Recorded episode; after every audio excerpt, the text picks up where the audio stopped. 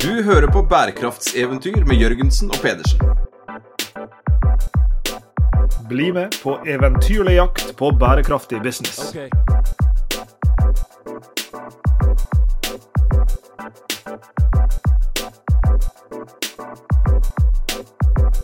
Jeg og du, Sveinung, har vel for lengst fått diagnostisert at vi lider av sånn eh, grandios personlighetsforstyrrelse, begge to. Så det er vel bare naturlig at vi starter episoden med å foreslå en endring i tittelen på ett av FN sine 17 bærekraftsmål.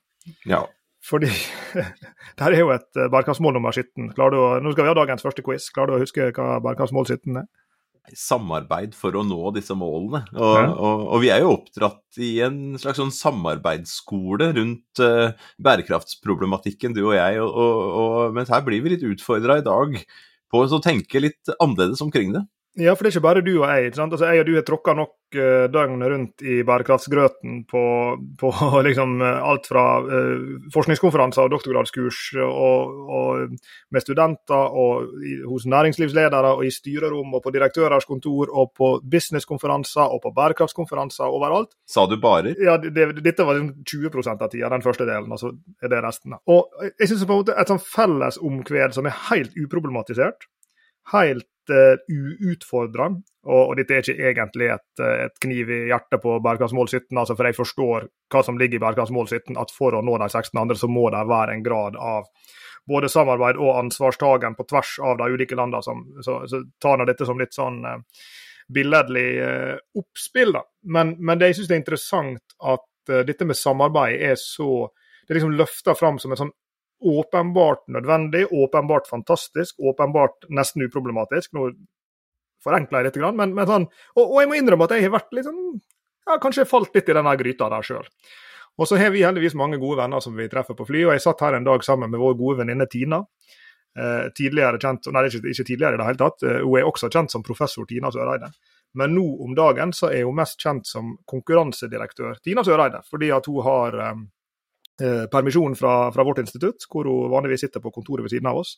Eh, og Jeg traff henne på et fly her en dag, og, og da kom vi inn på dette temaet med bærekraft og, og samarbeid. Og så voksenopplærte hun meg litt på alle de potensielt utfordrende sidene ved samarbeid fra et konkurranseperspektiv. Og Det var der jeg og du begynte å leke oss litt med den ideen at ja, kanskje burde det egentlig heller være sånn at vi hadde konkurranse for å nå disse målene, heller enn å ha samarbeid. Antageligvis befinner sannheten seg et eller annet sted midt imellom, men dette er langt over både min og din paygrade å snakke om, så derfor har vi invitert noen som virkelig har kompetanse på det. Og det er Tina sin eh, gode kollega Hanne Dahl Amundsen, som er avdelingsdirektør for hvis jeg husker det rett, bygg, industri og energi i eh, Konkurransetilsynet, og hvor hun også har ansvar for eh, en rekke tematikk rundt det som har med med bærekraft å gjøre. Eh, så det er stor glede for oss å invitere inn i Bærekraftseventyrstudio Hanne. Velkommen til oss. Hei. Jeg regner med at du har eh, bare sånne kloke venner, men innimellom da, hvis du treffer sånne folk som oss, og så skulle du gitt liksom en sånn eh, heispitch på hva i all verden Konkurransetilsynet er for noe. Hvorfor finnes det, og hva er rollen deres, bare for, bare for å starte med det? Da vil jeg si at konkurranse er viktig fordi det bidrar til effektiv bruk av samfunnets ressurser. eh, Og konkurranse det er det som gjør at vi forbrukere får bedre og rimeligere produkter enn det vi ville fått uten konkurranse. Så Derfor er konkurranse viktig, og derfor har vi en konkurranselov. Og hva innebærer det at spennet er av, kall det, konkurranseflate, om du vil, eh, som, som dere eh, har fingrene deres borti. Fordi jeg skjønner jo at sånn hvis eh, en rekke aktører går sammen om å sette prisen høyere enn den ellers ville vært. Det er det første eksempelet som faller inn i hodet mitt. Så ja, det er åpenbart en sånn prissamarbeid som, som ikke er ønskelig. Eh, Men så har jo jeg skjønt sånn fra en viss avstand at, at det er ma veldig mange typer og former for konkurranse, og, på en måte problematiske konkurransehemmende ting dere er, er opptatt av. Kan du liksom nå skjønner jeg at det, det er omfattende og masse detaljer i det, men liksom, i en sånn overordna verden, hva er liksom spennet av typer ting dere Jeg mener ikke blander dere inn i negativt, jeg mener det altså positivt. Nei, eh, det du er inne på der, det første er jo at eh, konkurranseloven forbyr jo eh, samarbeid som begrenser konkurransen. Eh, og tillater da samarbeid som ikke begrenser konkurransen. Så det, så det er jo det ene. Eh, og så har vi òg et forbud mot misbruk av dominerende stilling, som bl.a. gjør da at eh, dominerende aktører ikke på utilbørlig måte kan stenge ute andre konkurrenter. Så skal vi òg føre kontroll med fusjoner og oppkjøp, som betyr da at hvis en fusjon eller et oppkjøp i betydelig grad hindrer effektiv konkurranse, så plikter vi å gripe inn. Og så har vi også et pådriveransvar, som vi kaller det. Altså at vi Eh, skal fremme konkurransehensyn i ulike sammenhenger der det er viktig å ta konkurransehensyn. Eh, F.eks. I, i nye og grønne markeder eh, kan det være ekstra viktig å legge til rette for god konkurranse. For ved god konkurranse, f.eks. i elbilmarkedet, hvis det er god konkurranse der, så vil jo flere velge elbil, og vi raskere nå klimamålene våre. Og Der er jo du da allerede inne på noen av måtene bærekraft direkte eller indirekte kan komme inn under tematikk som dere er opptatt av.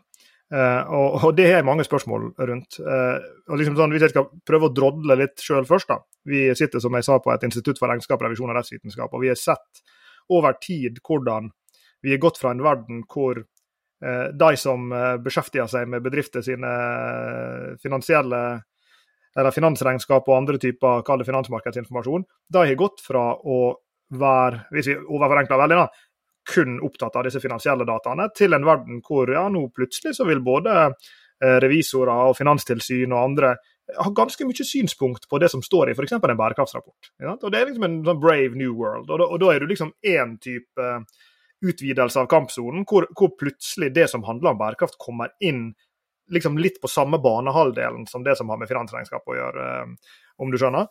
Men så er det selvfølgelig også sånn at at liksom ting utvikler seg ved at bærekraft som, som del av verdens problemstillinger og ordskifte og ting vi er opptatt av, tar bare større og større og større plass. Eh, og Derfor så ser vi at flere og flere aktører, enten offentlige eller private, tar en posisjon på liksom, ja, som, du, som du var inne på, ja, f.eks. hvis det er ønskelig at vi skal få flere elbiler. Hva er da vår rolle som f.eks. Konkurransetilsynet? Og Det kunne like gjerne være hva er vår rolle som eh, nær sagt Samferdselsdepartementet eller et eller annet helt annet i å være med på å få den grønne eh, overgangen eller skiftet fra brune biler til grønne biler eh, til å skje raskere. Ja.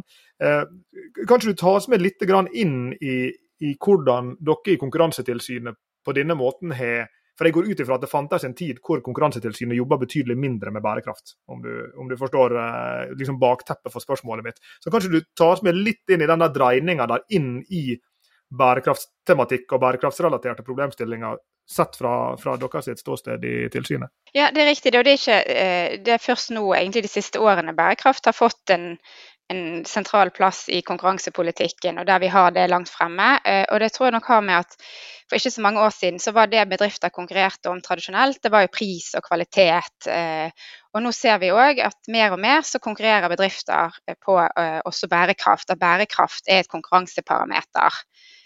Eh, og så merker vi òg at jo mer eh, vi eh, forbrukere velger eh, produkter som er bærekraftige, eller som har, vært, eh, hatt en eh, bærekraftig produksjon, jo mer vil jo det lønne seg for bedriftene å velge å være bærekraftige og utvikle nye og bedre bærekraftige produkter. Så, så, det er ett aspekt ved det, at bærekraft er et, blitt et konkurranseparameter. Og Grunnen til at konkurranse kan bidra til bærekraft og bærekraftig utvikling, det er jo det at eh, når det er konkurranse, så blir bedriftene presset til å yte sitt beste når det gjelder pris, kvalitet og innovasjon. For ellers vil de risikere å miste eh, kundene til konkurrenten. Eh, og det vi også ser da, er at I markeder der det er god konkurranse, så er bedriftene flinkere til å utvikle nye og bedre og grønne løsninger enn i markeder med dårlig konkurranse. Så konkurranse er jo et virkemiddel for den grønne omstillingen. Eh, men så er det som dere var inne på innledningsvis, at i noen tilfeller så vil jo det være nødvendig å samarbeide for å få til de, de beste løsningene. Eh, mm. Og i en del tilfeller òg så vil jo det å samarbeide heller ikke begrense konkurransen, og derfor være lovlig. Eh, så f.eks. hvis bedrifter samarbeider med bedrifter de ikke konkurrerer med, altså at man ikke er konkurrenter, da vil ofte samarbeid være lovlig. Og det samme vertikale samarbeid. Altså hvis aktører eh, på ulike ledd i verdikjeden samarbeider, så vil jo det være ofte noe som, som ikke begrenser konkurransen og kan fremme bærekraft og er positivt for, for bærekraftig utvikling. Check it out.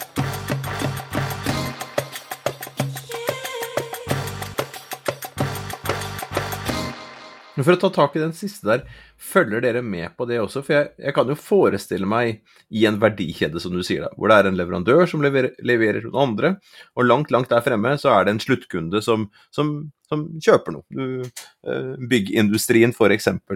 Uh, og hvis man da skal jobbe med sånne sirkulære løsninger for byggindustrien, da, og man skal bruke materialet på nytt igjen, og, og, og ja, hvor det kan være ulike ting som gjøres i en sånn kjede, som til slutt betyr at, at kunden ikke har noen andre valg, og, og som kanskje kan være eh, da eh, brukt av, av, av, de ulike leddene i verdikjeden til å presse prisen høyere.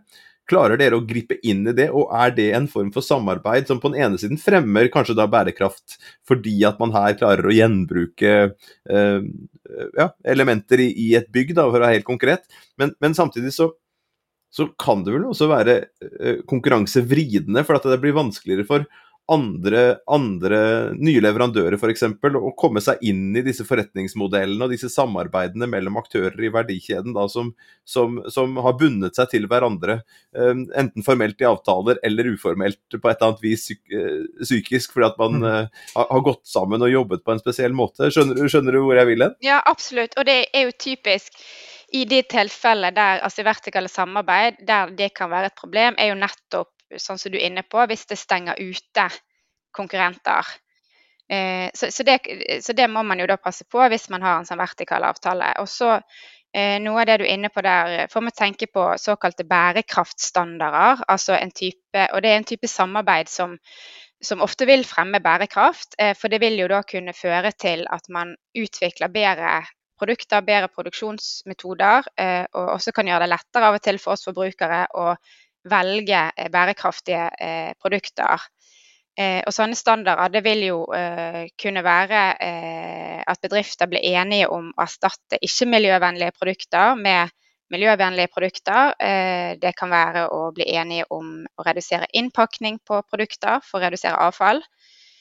Eh, og Europakommisjonen de har eh, noen retningslinjer for bærekraftsamarbeid. Eh, eller vil si, de har i sine retningslinjer om samarbeid så har de tatt inn et eget kapittel om bærekraftsamarbeid. Det gjorde de i sommer. Ehm, og der, der, viser de til, der eh, omhandler de nettopp sånne bærekraftstandarder eh, og gir god veiledning på når det vil være lovlig. Eh, og de oppstiller seks kriterier som, som, utgjør en såkalt soft safe harbor, kaller de det. Eh, og sier at dersom disse kriteriene er oppfylt, så vil det normalt være et samarbeid som vil være lovlig. Eh, og Et eksempel de bruker der, det er hvis produsenter av frokostblanding hvis de går sammen og blir enige om å redusere unødvendig bruk av innpakning, så, så vil det på visse kriterier være greit. og Da viser de til at disse her eh, frokosteskene de har jo bare blitt større og større etter hvert som årene har gått. Eh, masse unødvendig eh, emballasje, eh, mer avfall, uten at det egentlig tilfører noe ekstra til produktet. Så Eksempelet deres er da hvis eh, produsenter går sammen, blir enige om en prosentsats, eh, maks prosentsats for unødvendig emballasje så vil det være greit, gitt at dette er en ordning som, som alle produsentene kan være med på. Det er frivillig å være med, ingen blir tvunget til å være med. Eh, det er lov å være flinkere enn standarden. altså Det er lov å eh, redusere enda mer unødvendig innpakning. Eh, og så må du ikke legge opp til å dele sensitiv informasjon mellom konkurrentene. Eh, og så må heller ikke en sånn standard føre til en betydelig prisøkning på produktet eller en betydelig reduksjon i kvalitet. Eh, og her tenker jeg at det er eh, sikkert mange bærekraftstandarder som, som, aktører der ute som kunne inngått sånne bærekraftstandarder, og eh, som da nettopp ville eh, ført til eller fremskyndet mer bærekraftig utvikling av produkter og løsninger. Ja, for Her er vi inne på noe som, som, er, som er, interessant her, i, i lys, altså med, med henblikk på omfanget av endringer det er snakk om, da, altså bærekraftsforbedringer, om du vil.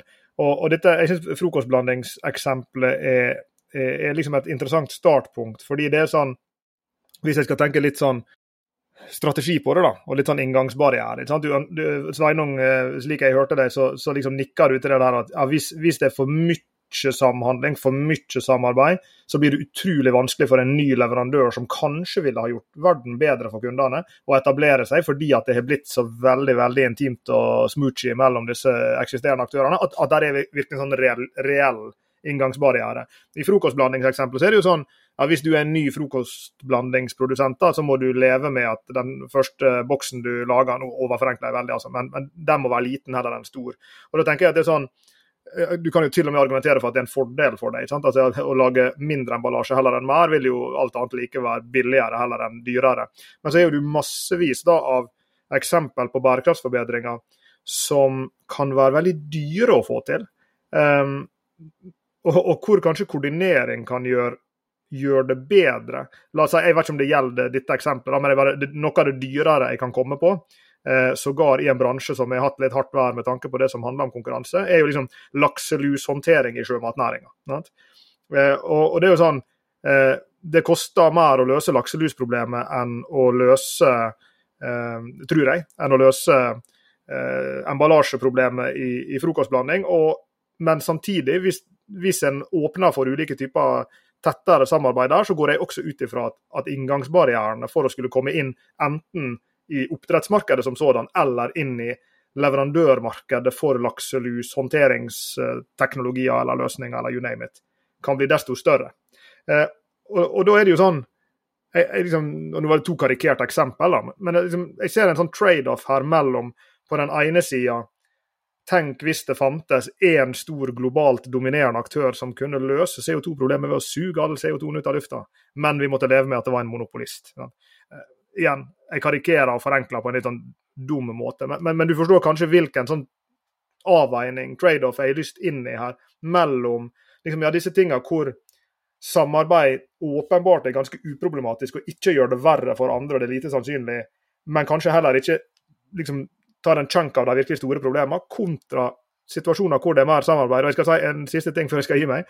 Um, eksempel som jeg ofte hører blir kasta rundt i, på dette feltet, her er jo type sånn Forest Stewardship Council, Marine Stewardship Council, disse typene store bransjesammenslutninger hvor narrativet som jeg hører, men jeg har nøyaktig 0 innsikt i hvorvidt de narrativene er sanne, er jo sånn disse bransjesammenslutningene har gjort det mulig for oss å løse problem som vi ellers ikke ville klart å løse. Men så kan det hende at det ligger noen lik i den lasten, selv om det er sant at de har fått til ting de ikke ville fått til uten den koordineringa.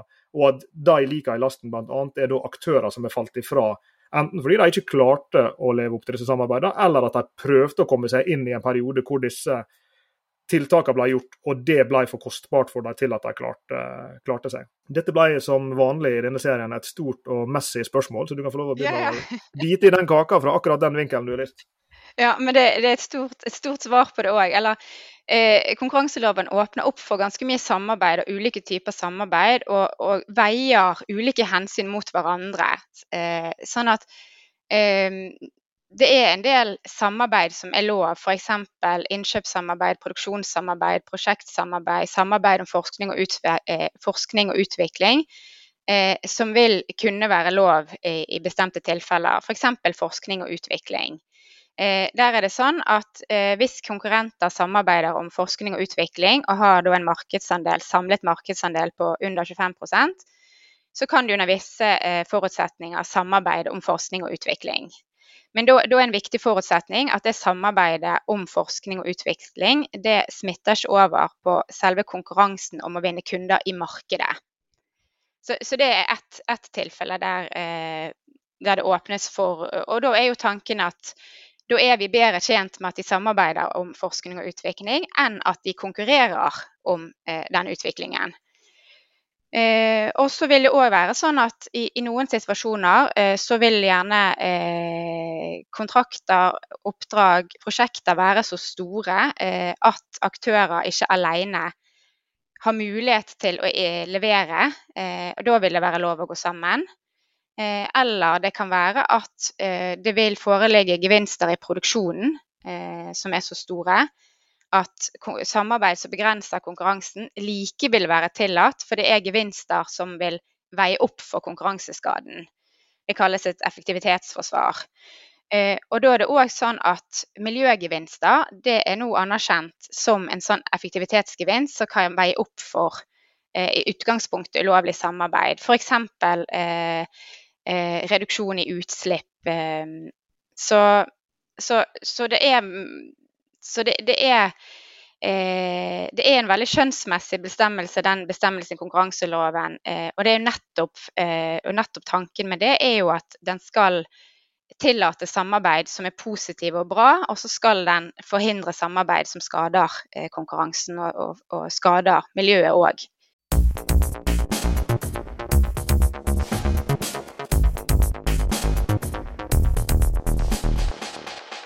Får dere mange telefoner om dette fra bedrifter? Altså sånn, er det, er det mange der ute som tar kontakt, eller må dere løpe etter og i etterkant og passe på?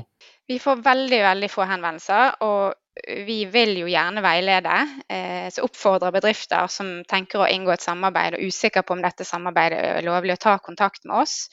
For dette med bærekraftsamarbeid bærekraftssamarbeid er jo fortsatt ganske nytt. Det er lite praksis fortsatt eh, og ta kontakt med oss. Eh, det er ikke sikkert vi enten kan si klart ja til samarbeidet eller klart nei.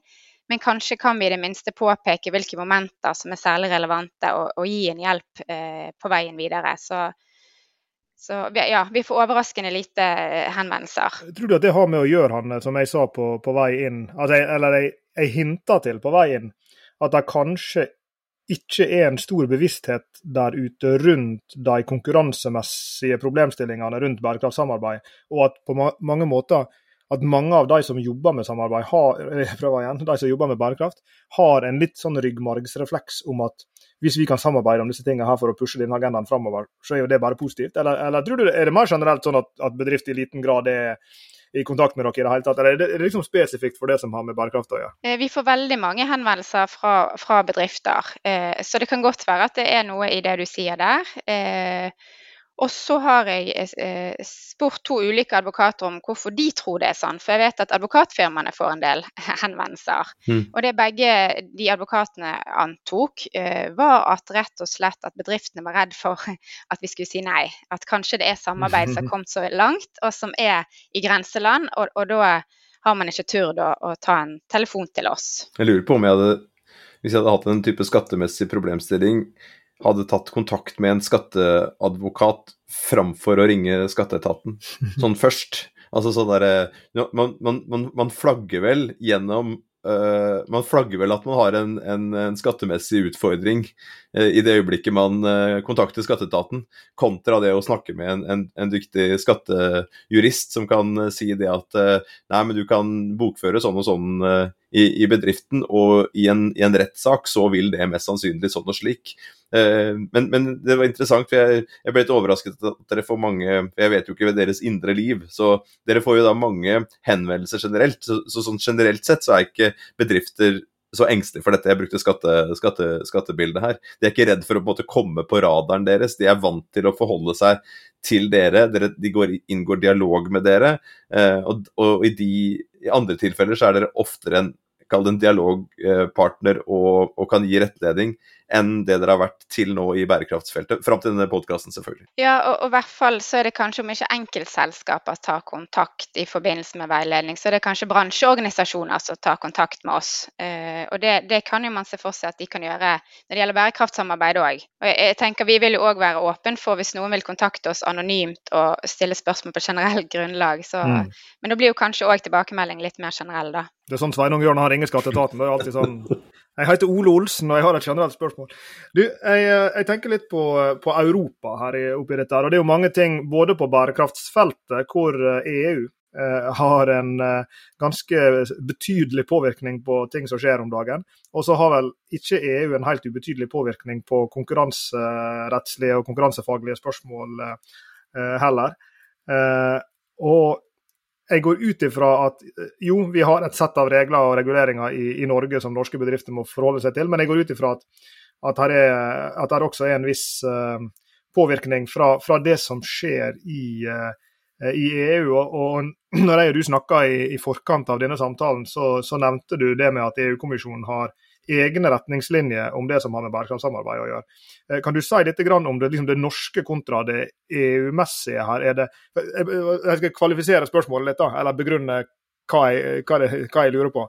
Eh, EU er jo i en interessant situasjon nå hvor de så veldig kraftfullt setter noen veldig veldig, veldig ambisiøse bærekraftsmålsettinger gjennom taksonomien, gjennom Green Deal og alle sidene ved det, fra Green Claims-direktivet til Right to Repair-direktivet. altså Så utrolig mange ting som berører bedrifter i stort og smått.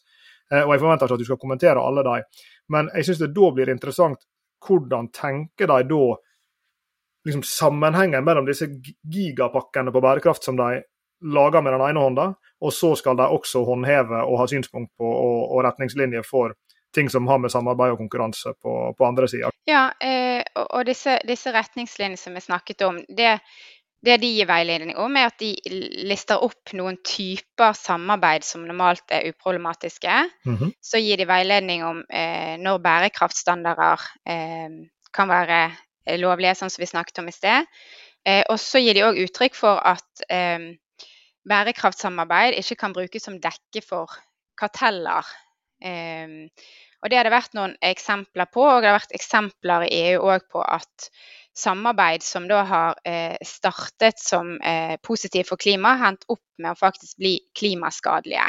Og der, der er det noen, noen, som sagt, noen gode eksempler. Det, det ene eksempelet det er, det, den saken som kalles dieselrensekartellet, som gjaldt tre store bilprodusenter, Daimler, Volkswagen og BMW. Eh, og de ble bøtelagt nesten 900 millioner euro. Eh, fordi de hadde samarbeidet om å begrense utvikling av ny miljøteknologi. Eh, og det var et samarbeid som begynte lovlig. De samarbeidet om å utvikle teknologi for rensing av eksos fra dieselbiler. Men så gikk de lenger enn det som var greit. De brukte dette lovlige samarbeidet til òg å bli enige om at de ikke skulle være flinkere enn det som var minstekravene. De ble enige om å ikke utvikle mer effektiv renseteknologi enn det som var minstekrav i EU. Så det ble jo da slått hardt ned på, fordi eh, dette begrenset jo da konkurransen om å levere mest mulig miljøvennlige biler. Så, så dette ja, begynte som et bærekraftsamarbeid og endte opp et anti, som et antibærekraftsamarbeid. Mm. Og det er det noen andre eksempler på òg. Um, jeg, jeg, kan nevne en annen sak òg. Um, som, eh, som gjaldt fra i fjor, som gjaldt to syltetøylokkprodusenter, store syltetøylokkprodusenter. Crown og Silgan. Eh, de ble òg ilagt gebyrer. Og det de hadde samarbeidet om, det var å redusere bruk av miljøvennlige syltetøylokk. Eh, altså disse syltetøylokkene som er uten BPA. Så de gikk sammen og ble enige om at disse syltetøylokkene uten BPA de skulle ha en høyere pris, og de skulle ha en kortere holdbarhet. Så nettopp denne type samarbeid vil jo da eh, hemme bærekraft. Og det er veldig viktig at vi i konkurransemyndighetene vi slår ned på den type samarbeid. Eh, samtidig som vi, som vi snakket om i sted, er, opptatt av at konkurranseregler ikke skal stå i veien for samarbeid som er positivt for, for miljøet.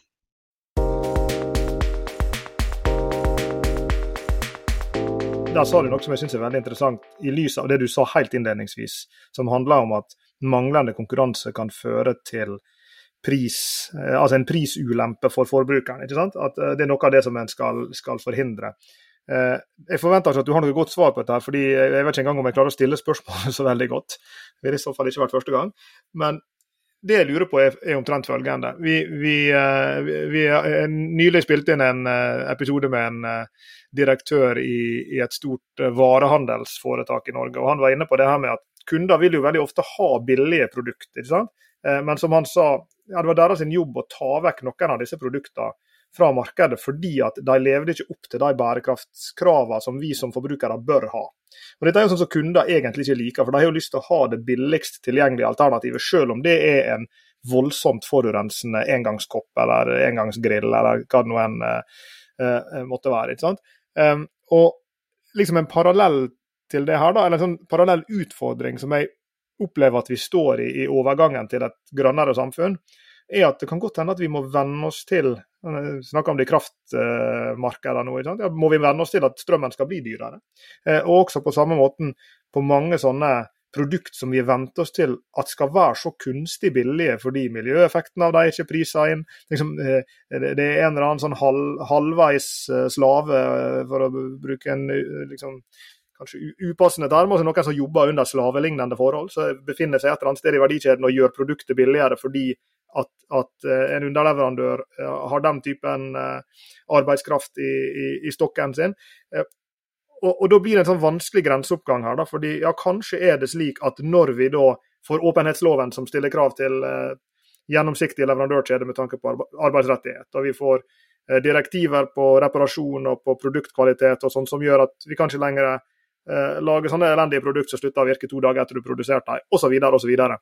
så vil kanskje det også gjøre at en del ting vil bli dyrere. Så Forstår du hvor jeg vil hen? Dette, dette problemet med at jo, men kanskje vil mer bærekraft gjøre en del ting dyrere enn de har vært. Hvordan forholder dere dere til den nøtten der, på et vis? Ja, jeg tenker litt dette som vi var inne på med bærekraftstandarder. Sant? At der, der, kan jo det være en mulighet til å bruke en sånn standard, men da var jo et av vilkårene at produktene ikke ble vesentlig dyrere. sant? Eh, og så har vi et eksempel eh, fra EU, da. Eh, hvor eh, vaskemaskinprodusenter de samarbeidet om å fase ut de minst energieffektive vaskemaskinene. Eh, så det var jo et samarbeid som begrenset konkurransen, som gjorde at forbrukere de fikk ett alternativ mindre å velge mellom. Og de kunne ikke lenger velge mellom billigste, den billigste typen vaskemaskin. Men da sa kommisjonen at dette samarbeidet likevel var greit, fordi eh, samfunnet ville få miljøgevinster av dette. Og forbrukere på mellomlang sikt de ville jo da komme bedre ut, for de ville få lavere energikostnader. Um, så, du, så du, kan se for seg at nettopp gevinstene for forbrukeren og gevinstene for samfunnet gjør at det likevel kan være greit å samarbeide om Dere som tilsyn får jo da en annen rolle. Vi, vi jobber jo mye med revisorer og, og alt som er knytta til, til, til, regnskap og sånne ting. Der sitter jo regnskapsførere og, og, og finansdirektører og, også revisorer og skal gå inn og vurdere Eh, hva som har skjedd i en, en, en bedrift, uh, eh, knytta opp mot en, en bærekraftsrapport f.eks., og så skal de gå inn og må, måtte verifisere det arbeidet som har skjedd. Og det er vanskelig for dem, altså, for de har jo ikke den type kompetanse nødvendigvis eh, fra den utdanninga, og, og, har heller ikke team rundt seg nødvendigvis. De bygger jo opp denne kompetansen litt over, litt over tid. Men dette er jo dette er jo vanskelige ting å avgjøre også. Er det mer bærekraftig med med, med, løsning A, eller er det med B? Altså Bare tenk på sånn diskusjon vi har nå om, om, dagen i Norge, med atomkraft kontra vindkraft på land. Så, så vil det være ganske sånn ulike syn på hva som er mest kall bærekraftig alternativ av de to, gitt at man da klarer å, å, å, å håndtere eh, avfallet i atomkraft, og, og, og, gitt at man skal bygge ned urørt natur med store eh, vind, vindturbiner på land. ikke sant? Altså, sånn, hvordan, hvordan, tilnærmer dere, dere dette, og, og bygges det nå opp en intern bærekraftskompetanse hos dere for å, for å kunne ta den rollen i den tiden som kommer eh, fremover? Konkurranse er jo bare ett virkemiddel for den bærekraftige utviklingen og omstillingen til grønn økonomi. Eh, og ikke det viktigste. Det viktigste er jo avgifter, at det ikke skal lønne seg å, å ikke være miljøvennlig og, og subsidier. Så, så, det er på en måte et, konkurranse er bare ett virkemiddel. Og så For oss er det fortsatt uh, den samme konkurranseloven som gjelder. Det er de samme konkurransereglene som gjelder. De samme vurderingene. Eh, men men bærekraft har fått mer fokus. Og, og, dette med at gevinster av et samarbeid som kommer kundene til gode, kan veie opp og gjøre et ellers ulovlig samarbeid ulovlig. Sånn, sånn har konkurransereglene vært lenge. Det nye er at bærekraft kan være en sånn gevinst. Ja. Så, så, det er det samme rammeverket, samme reglene, samme vurderingene. Eh, og noen ganger så er det veldig enkelt å ta stilling til om et samarbeid er lovlig eller ei, og noen ganger så er det noen veldig vanskelige grensedragninger. Jeg antar jo at dieselsamarbeidet på et tidspunkt eh, var fornuftig. Eh, at de klarte å kommunisere dette utad som noe annet enn et kartell, eh, og at det parallelt skjedde utviklingstrekk F.eks. med elektriske biler, da, som gjorde at denne gamle dieseltankemåten ikke lenger var like aktuelt. ikke sant? Vi jobber jo ofte med sånne ideer om å lage sånn økosystem rundt ikke bare en bedrift og forretningsmodellene, som ofte innebærer tett, tett samarbeid med forskjellige bedrifter, altså inne i forretningsmodellen, inn i hele disse økosystemene. Og så har vi også sånne ideer om sånne eh, symbioser ikke sant, utenfor København, Kalundborg, hvis jeg klarer geografien riktig i farta. Så er det jo en sånn eh, Det vi vil se på som en sånn fantastisk symbiose med en tjuetalls eh, bedrifter hvor eh, varmt vann fra den ene aktøren blir brukt til den andre aktøren, som istedenfor å, å, å bare gå til spille, så blir det varme vannet brukt til energi eh, hos den andre. Eh, det begynte i utgangspunktet med at et rest, eh, restavfall fra, fra kull, et kullkraft eh, kullkraftverk det ble brukt som innsatsfaktor i gipsplater. som, ikke sant? Og, og jeg, bare, jeg, bare, leker litt med ideen her, uten å ha verken et klart spørsmål eller et helt klart svar. Eh, på, på, det er jo lett utenfra å tenke, og der hvor vi går inn dette her via samarbeidet Jeg sa innledningsvis, og jeg Lars Jakob drodla litt om, omkring liksom, ja, Vi, vi kommer jo fra en samarbeidstankegang her, eh, og vi har jo sett på disse symbiosene. Kanskje litt, sett på det litt sånn Gitt dem litt ja, gredd dem litt medhårs da, og, og tenkt liksom at ja, denne måten å, å, bygge samarbeid mellom bedrifter på, eh, det er den, en, en, god måte å, å, gjøre det på. Og, og innforstått at den måten de har løst dette her in, internt på, det fremmer bærekraft. Men så skjer jo det endringer her hele tiden, og dere drar jo opp et kjempespennende, eller du, da. Et kjempespennende aspekt her på at den måten å lage et sånt geografisk samarbeid f.eks., som en sånn symbiose med bedrifter som ligger tett inntil hverandre og, og, utveksler ideer og ressurser på kryss og tvers, det er jo lett å tenke at, de, at det fremmer, fremmer, bærekraft. Men så skal det jo sitte noen, da. Som du sier, jeg skjønner at det er flere parametere, at, at, pris eh, er, og konkurranse er én av dem. Men hvem i all verden er det som skal overprøve det at uh, overprøve en, en, kvaliteten på de bærekraftstiltakene som, som, som, skjer. Jeg vet ikke om du har lyst til å kommentere han eller Ula Sjako? Nei, altså jeg tenker Det er jo veldig mye samarbeid som er positivt og bra for bærekraft. og det er stort rom for samarbeid. og sånn som Det du snakker om der, er jo gjerne at bedrifter som ikke er konkurrenter, bedrifter som er ulike bransjer eller har komplementære egenskaper, samarbeider. Og det vil jo være lovlig, for det vil jo ikke begrense konkurransen. Sant? Og det vil kunne ha positive sider. Så det er den ene siden av det. Men det kan jo også da forankre denne gruppen med bedrifter i en praksis som faktisk ikke er bærekraftig. Det, det, altså de, de, kan jo da fremme en, en, gammel teknologi, en gammel måte å tenke på, og at dette, denne, denne nydelige symbiosen av dette økosystemet som har gått sammen, og ikke sant, vakre nettsider og alt det der, at den egentlig burde sprenges fordi at de faktisk ikke fremmer bærekraft. Da. Og hvem er det som skal være dommeren? Jeg hører jo er at eh, rundt, eh, rundt eh, dieselkartellet så var det faktisk noen som satte ned foten, da. ikke sant? Er derfor jeg er bare nysgjerrig på hvordan dere jobber da for å, for å skjønne den dimensjonen av konkurranse i tillegg, da. Ja, så Nå har vi snakket mye om samarbeid, eh, og det konkurransereglene òg har bestemmelser om, er jo et forbud mot misbruk av dominerende stilling eh, og en fusjonskontroll.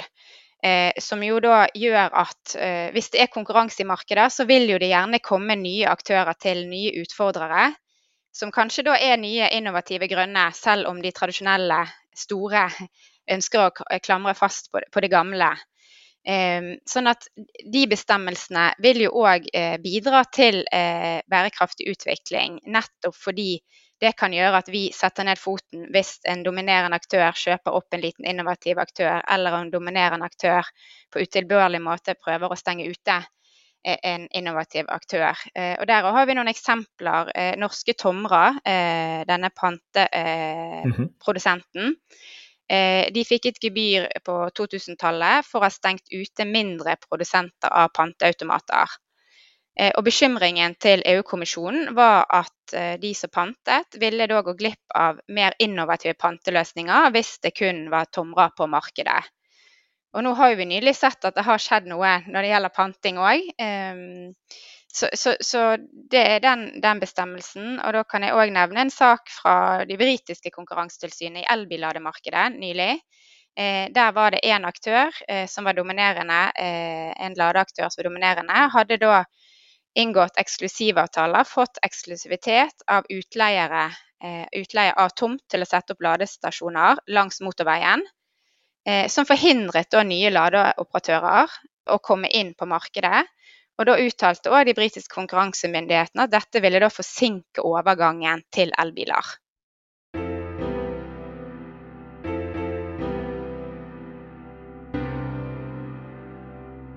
Du nevnte eh, både tidligere i samtalen, eh, du var så vidt inne på det nå, og vi snakka også om det eh, i forkant av, av denne samtalen, Hanne. Dette med, med, nye marked. For det nevnte du her nå. og, og Et eksempel som jeg husker du nevnte, var dette med lade, lademarkedet for, for, elbiler. og Det er litt sånn interessant med at liksom et nytt marked kontra et etablert marked. altså Hvis jeg skal komplisere det ytterligere, da, så går jeg ut ifra at, at dere også har minst et halvt blikk til ja, markedet vi her snakker om, er det et etablert marked hvor det er noen dominerende aktører, hvor vi kanskje til og med har en liten sånn magefølelse om at her er det hyppig grunn til å følge litt ekstra godt med.